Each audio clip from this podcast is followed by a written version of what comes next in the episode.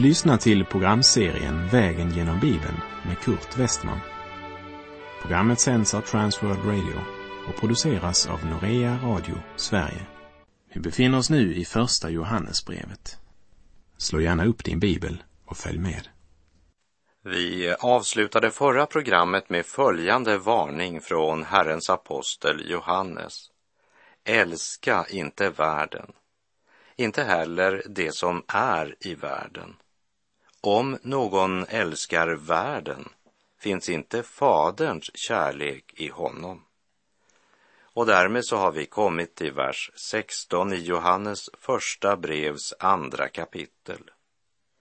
Ty allt som finns i världen, köttets begär och ögonens begär och högmod över livets goda, det kommer inte från Fadern utan från världen.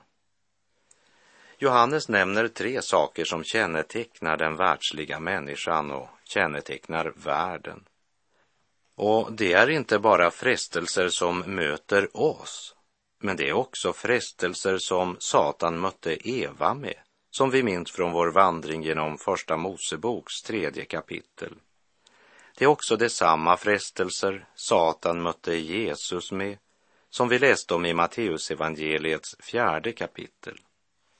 Köttets begär eller köttets lust, det är det första. Och det talar om alla slags onda begär som har sina rötter i själviskheten. Det talar om begär och önskningar som kan se så oskyldiga ut men vars slutliga frukt och resultat är fruktansvärt. Det talar om något som ännu bara är en inre önskan. Det talar om vad kroppen begär. Jakob skriver om det här i Jakobs brev kapitel 1, vers 14 till och med 16. Blir någon frestad är det alltid av sitt eget begär som han lockas och snärjs. Och när så begäret har blivit havande föder det synd. Och när synden är fullväxt föder den död. Låt inte bedra er, mina kära bröder. Det börjar med en tanke. En tanke som istället för att avfärdas får slå rot. Så en tanke och du skördar en handling. Man blir mera upptagen av njutning än av nytta. Därför leder det ofta till frosseri och överkonsumtion. Och den som inte vill falla i händerna på den synden bör hålla sig borta från frestelsens dörr. Eller som någon uttryckte det, den som inte vill handla med djävulen bör hålla sig borta från hans butik. För djävulen är en fiende som oftare besegras genom flykt än genom strid. Vi lever i en tid då vi på alla kanter översvämmas av erotik och sex. Under sken av upplysning har man överfokuserat detta tema och därmed satt denna drift i brand hos många. Sexuallivet har blivit det stora temat för vår tids vitsar.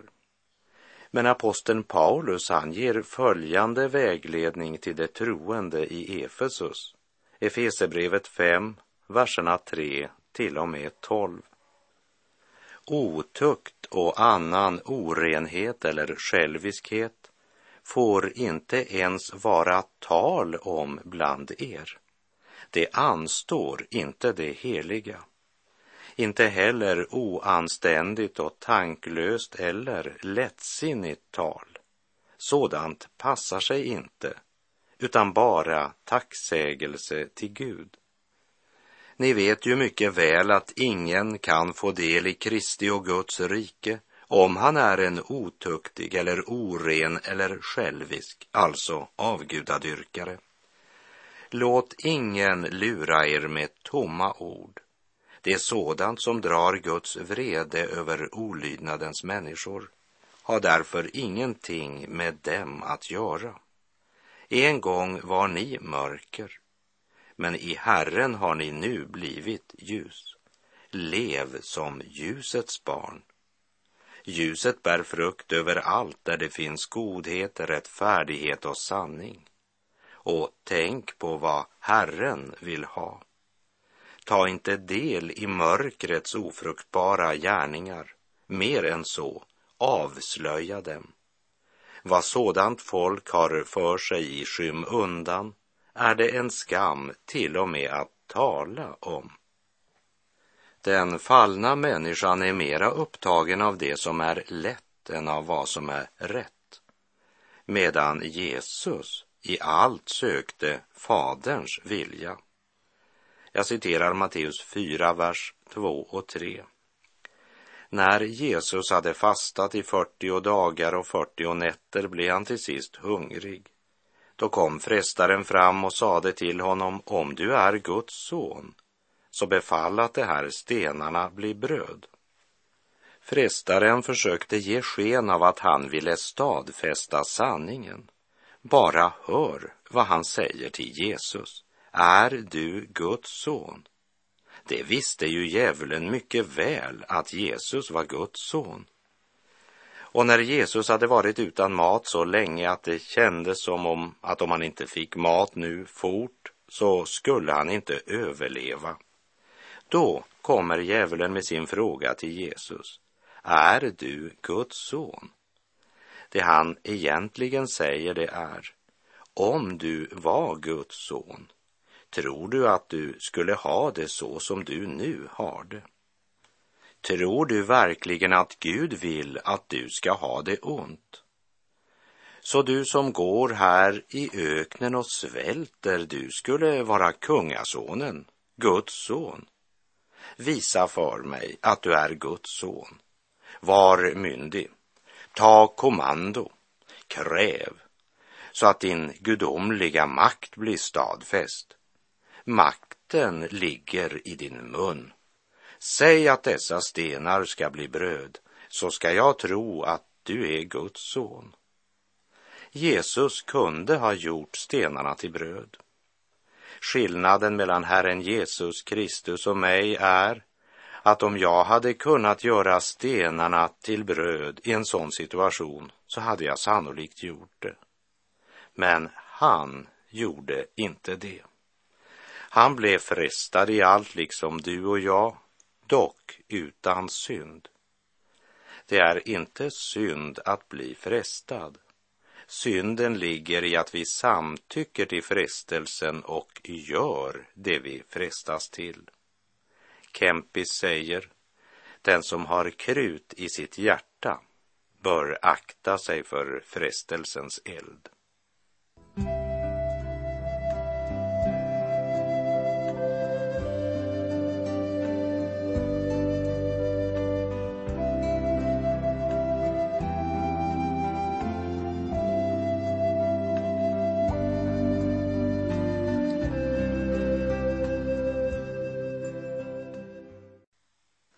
Det andra Johannes nämnde det var ögonens begär eller vad ögonen åtrår. Eva såg på det förbjudna trädet. Eva såg på frukten och den såg verkligen tilltalande ut. Här vill jag också påminna om att djävulen visade Jesus alla riken i världen.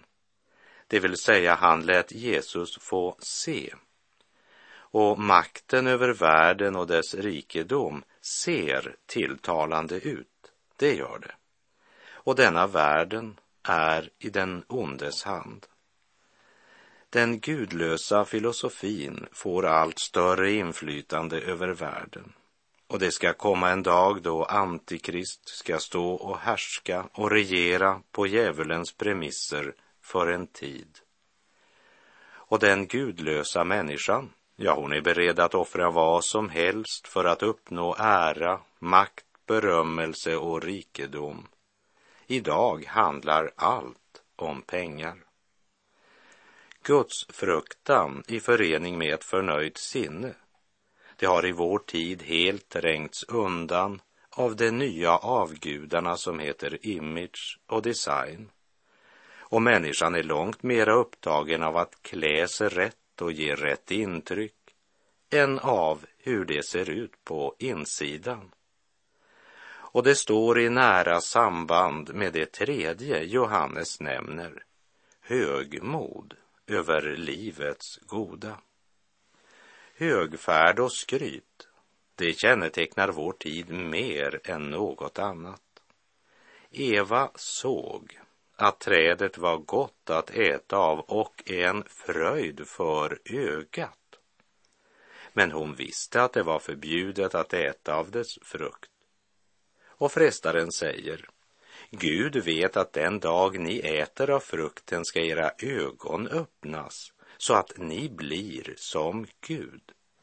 En frestelse till stolthet, sådant som högfärden kan skryta med högmod över livets goda, tomt skryt över gods och guld, bli som Gud, vara sin egen Herre. Det här är högaktuella ord i en tid då många människors världsbild och tankar är formade av reklam och massmedia. En kristen ska inte styras av samma livsvärden som den ogudaktiga världen. Världen öppnar tre dörrar för dig och mig idag. Den erbjuder för det första allt vad kroppen begär. För det andra allt vad ögonen åtrår. Och för det tredje sådant som vi i vår högfärd önskar skryta med. Men allt detta kommer från världen och leder till andlig död. Vår livsvärdering måste få sin rangordning från Gud och hans ord och inte från världen. Allt det som är Guds goda gåvor, det förvandlar Satan och världen till förbannelser genom att locka oss att vända Gud ryggen och leva och vandra efter vårt eget bedrägliga hjärta. Sexuallivet är en berikande gåva given innanför den ram som heter det heliga äktenskapet. Medan självisk sexualitet gör oss till fångar under våra egna egoistiska lidelser och begär och leder till meningslöshet och tomhet. Mindre och mindre tillfredsställelse och ständigt växande köttets begär. Rikedom, möjlighet att kunna unna sig själv mest möjligt och skaffa sig allt vad man önskar, det hör också till köttets begär. Liksom vår själviska önskan att ha makt över andra och genom detta kunna uppnå egna fördelar. Ögonens lust det är nära förbundet med köttets begär. Det talar om den lust som kommer utifrån genom det vi ser med våra ögon. Naturligtvis kan det även höra samman med köttets begär, det sensuella, det som tänder den lyssna blicken. Ögonens begär talar om det vi ser, det som utifrån kommer in i oss genom det vi ser. Detta som ger dig lust att skaffa dig allt vad du har lust att ha. Ordspråksboken 23, vers 4 och 5 säger Slit inte ut dig för att bli rik. Var klok nog att avstå från det. Far inte med blicken efter det som ingenting är, ty det gör sig vingar och flyger som örnen mot himlen. Och till de troende i Korint skriver Paulus denna förmaning. Vi riktar inte blicken mot det synliga, utan mot det osynliga. Ty det synliga är förgängligt, men det osynliga är evigt, skriver han i Andra Korinthierbrevet 4, vers 18. Och i Kolosserbrevet 3, vers 1 och 2 säger han då ni alltså har uppstått med Kristus, sök då det som är där ovan där Kristus sitter på Guds högra sida. Tänk på det som är där ovan, inte på det som är på jorden. Och Johannes sa att allt som finns i världen, köttets begär och ögonens begär och högmod över livets goda, det kommer inte från Fadern, utan från världen. Och därefter talar han konkret om varför vi inte ska älska världen. Johannes första brev kapitel 2, vers 17. Och världen och dess begär förgår, men den som gör Guds vilja förblir i evighet. Den som riktar sin blick mot världen kommer också snart att behärskas av världen och formas och styras av dess tankegång. Får vårt själviska begär utveckla sig så leder det till ett liv där jag vänder Gud ryggen i min jakt på själviska njutningar och personlig vinning. Och det är uppenbart att den som väljer en sådan väg inte älskar Gud. Han är av världen. Och den som är av världen måste också ha klart för sig att han måste dela det öde som väntar på den värld som är Guds och det heligas fiende. Ja, en sådan person är ju egentligen redan död. För den som för ett utsvävande liv är en levande död, skriver Paulus till sin medarbetare Timoteus i Första Timoteusbrevet 5, vers 6. Och till det troende i Korint skriver Paulus i Första Korinthierbrevet 6, vers 9 till och med 11. Vet ni inte att inga orättfärdiga ska få ärva Guds rike? Varken äktenskapsbrytare eller de som utövar homosexualitet eller de som låter sig utnyttjas för sådant. Varken tjuvar eller giriga, varken drinkare, förtalare eller utsugare ska ärva Guds rike. Sådana var en del av er, men ni har tvättats rena. Ni har blivit helgade. Ni har förklarats rättfärdiga i Herren Jesu Kristi namn och i vår Guds ande. Frälsningen handlar inte bara om ett hopp om evigt liv en gång i framtiden men frälsningen handlar om en förvandling här och nu. Kristus har inte bara köpt oss fria från syndens skuld, men också från syndens makt, säger reformatorn Luther. Att bli frälst innebär inte att vi blir fria förmågan att synda, men genom att befrias från skulden blir du fri ifrån tvånget att synda. I Romarbrevet 6, vers 11 till och med 13 står det. Så skall också ni se på er själva. Ni är döda från synden och lever för Gud i Kristus Jesus. Synden skall därför inte härska i er dödliga kropp så att ni lyder dess begär. Ställ inte era lemmar i syndens tjänst som vapen åt orättfärdigheten, utan ställ er själva i Guds tjänst. Ni som var döda men nu lever. Ställ era lemmar i Guds tjänst som vapen åt rättfärdigheten. Eller som Johannes uttrycker det här i Johannes första brev kapitel 2, vers 16 och 17. Ty allt som finns i världen, köttets begär och ögonens begär och högmod över livets goda, det kommer inte från Fadern, utan från världen. Och världen och dess begär förgår, men den som gör Guds vilja förblir i evighet. Det vill säga, valet står mellan två olika sätt att leva. Och det finns inget tredje sätt. Antingen lever du för Gud eller också för världen.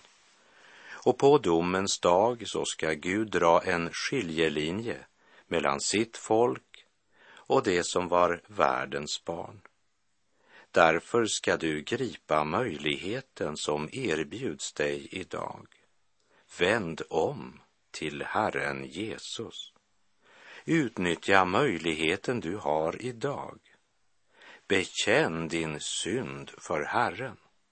Lyft din blick mot evighetens värld. Och kom ihåg att det är människans lott att en gång dö och därefter dömas. Världen och dess begär förgår, men den som gör Guds vilja förblir i evighet.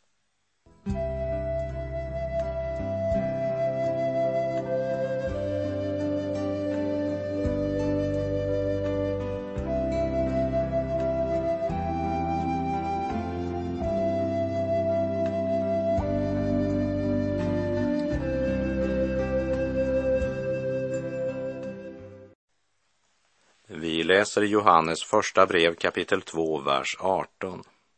Kära barn, den sista tiden är här.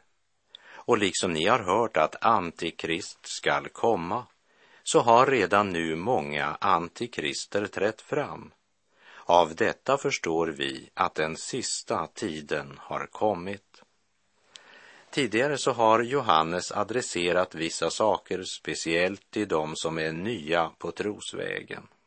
Andra saker till de som vandrat en längre tid i gemenskapen med Kristus. Jag skriver till er barn och jag skriver till er fäder och så vidare.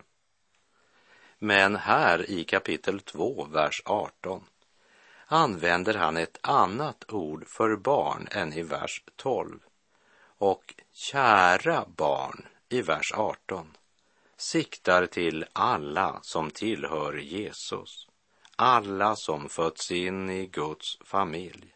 Och budskapet ljuder, den sista tiden är här.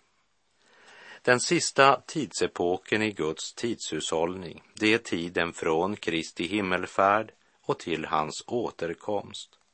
Och därmed så kan vi säga att vi befinner oss i den sista tidens slutfas. Jag citerar andra Korinthierbrevet kapitel 6, vers 1 och 2. Som medarbetare uppmanar vi er också att ta emot Guds nåd så att den blir till nytta. Han säger ju, jag bönhör dig i rätt tid och jag hjälper dig på frälsningens dag. Se, nu är den rätta tiden. Nu är frälsningens dag.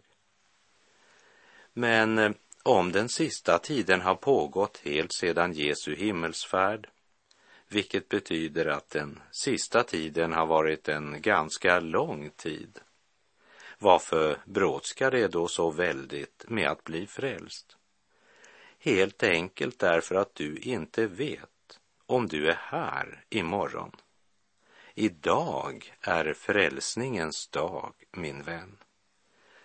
Redan på Johannes tid hade det trätt fram prototyper på den kommande antikrist. Och det är viktigt att vi är klara över att ordet anti kan betyda två saker. Det kan betyda mot, alltså emot Kristus. Men det kan också betyda ersättning istället för. Det vill säga, det kan handla om en efterapning, en imitation. Därför uppstår frågan, kommer Antikrist att vara en falsk Kristus eller en öppen motståndare till Kristus? Var lägger Bibeln tyngdpunkten? Johannes första brev talar flera gånger om Antikrist. Men det enda vi med säkerhet kan säga utifrån den här versen det är att det redan på Johannes tid fanns flera antikrister verksamma. Och vad var dessa antikristers kännetecken? Det förnekade Kristi gudom. Det är den primära beskrivelse som Johannesbrevet ger, som vi ska se när vi kommer till vers 22. Det är vad Johannes fokuserar på, men som du säkert minns så sa Jesus Ty många ska komma i mitt namn och säga, jag är Messias, och det ska leda många vilse. Jesus talar här om någon som ger sig ut för att vara Kristus. Vi ska alltså presenteras för en imitation, en eh, efterapning. Någon som ska göra Messias, Guds son, överflödig. Det står också öppet för den möjligheten att i ändetiden kommer det att finnas både en som försöker efterapa Kristus och en som öppet strider mot Kristus. För det är ju så Johannes uppenbarelsebokens trettonde kapitel presenterade. Där omtalas ett vilddjur som stiger upp ur havet och det är Satan som manar fram honom.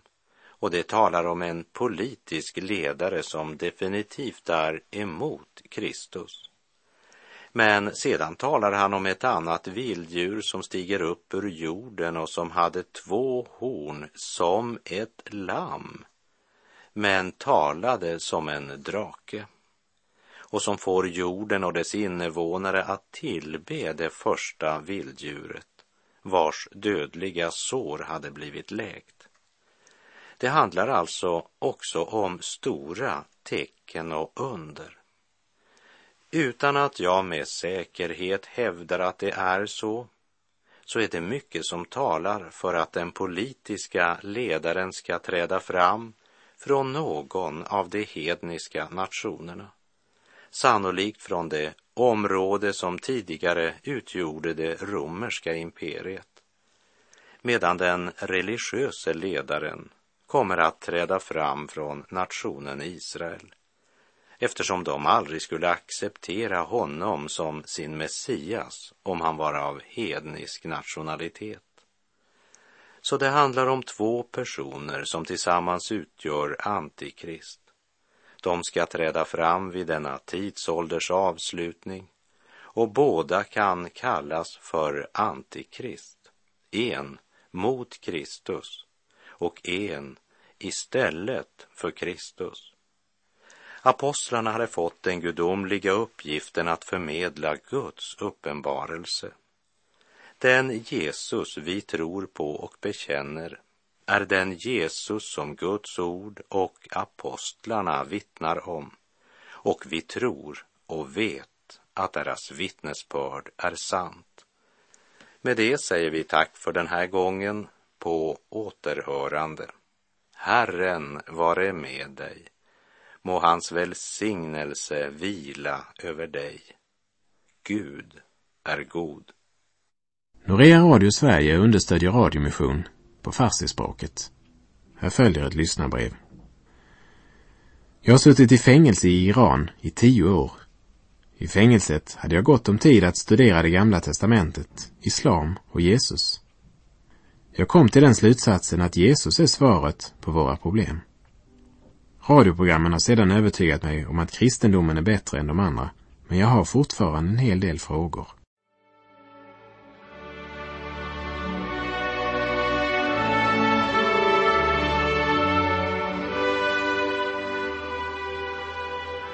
Du har lyssnat till programserien Vägen genom Bibeln med Kurt Westman som sänds av Transworld Radio. Programserien är producerad av Norea Radio Sverige. Om du önskar mer information om vårt radiomissionsarbete så skriv till Norea Radio Sverige, box 3419 103 68 Stockholm.